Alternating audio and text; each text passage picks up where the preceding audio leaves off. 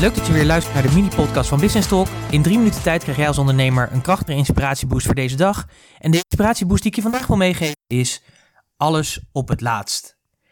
Nou, ik weet niet hoe het voor jou werkte als ondernemer zijnde, maar ja, er zijn natuurlijk heel verschillende soorten ondernemers en type ondernemers. Je hebt van die ondernemers die altijd, en dat was vroeger eigenlijk misschien ook wel zo als je op school zat, je hebt altijd van die mensen die altijd alles op tijd af hebben, op tijd klaar hebben, uh, helemaal gestructureerd zijn, goed voorbereid en dergelijke. En je hebt natuurlijk mensen, en dat zit in het hele andere uiterste, die alles op het laatst doen, die vaak nog tot laat door moeten werken om het toch nog af te krijgen. En dan ja, uiteindelijk nog op de laatste seconde de dingen hebben geleverd. Of dat product of die dienst voor hun klant klaar hebben gekregen met wat ze hebben afgesproken.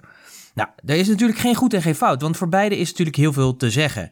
En de reden dat ik een beetje op deze podcast kom, is omdat deze week de nieuwe AVG-wetgeving ingaat. En ik natuurlijk veel merk en ook zelf ermee bezig ben om dat voor elkaar te krijgen. We hebben ook al veel gedaan, maar er moesten ook nog veel dingen gebeuren. Waaronder ons privacy statement verder aanpassen en die AVG klaarmaken. En dat gebeurt natuurlijk in mijn geval weer op het laatste moment. En, en heel vaak baal ik natuurlijk ervan dat ik alles op het laatst doe. Maar het is grappig, ik ging op een gegeven moment terugdenken, toen ik een keertje weer thinking time had en hierover na zat te denken, dat als ik terugkijk, dat ik vanaf een klein jongetje al op de basisschool, als ik bijvoorbeeld verslagen moest maken en dergelijke, of als ik tentamens leerde, of nou, wat het dan ook was, dat ik heel vaak alles op het laatst deed.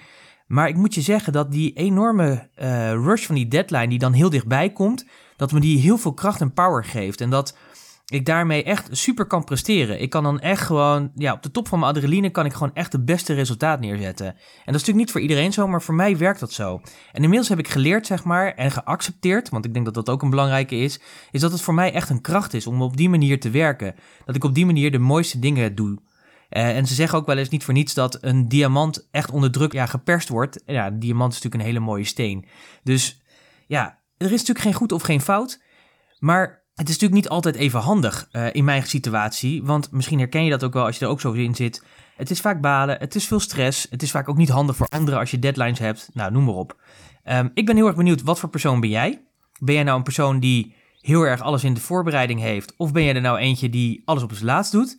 Het maakt natuurlijk niet uit. Aan allebei de kanten zit een voor- en een nadeel.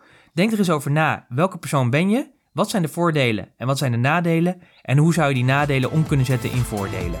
Ik wens je daar veel plezier bij en spreek je graag weer morgen. Tot morgen.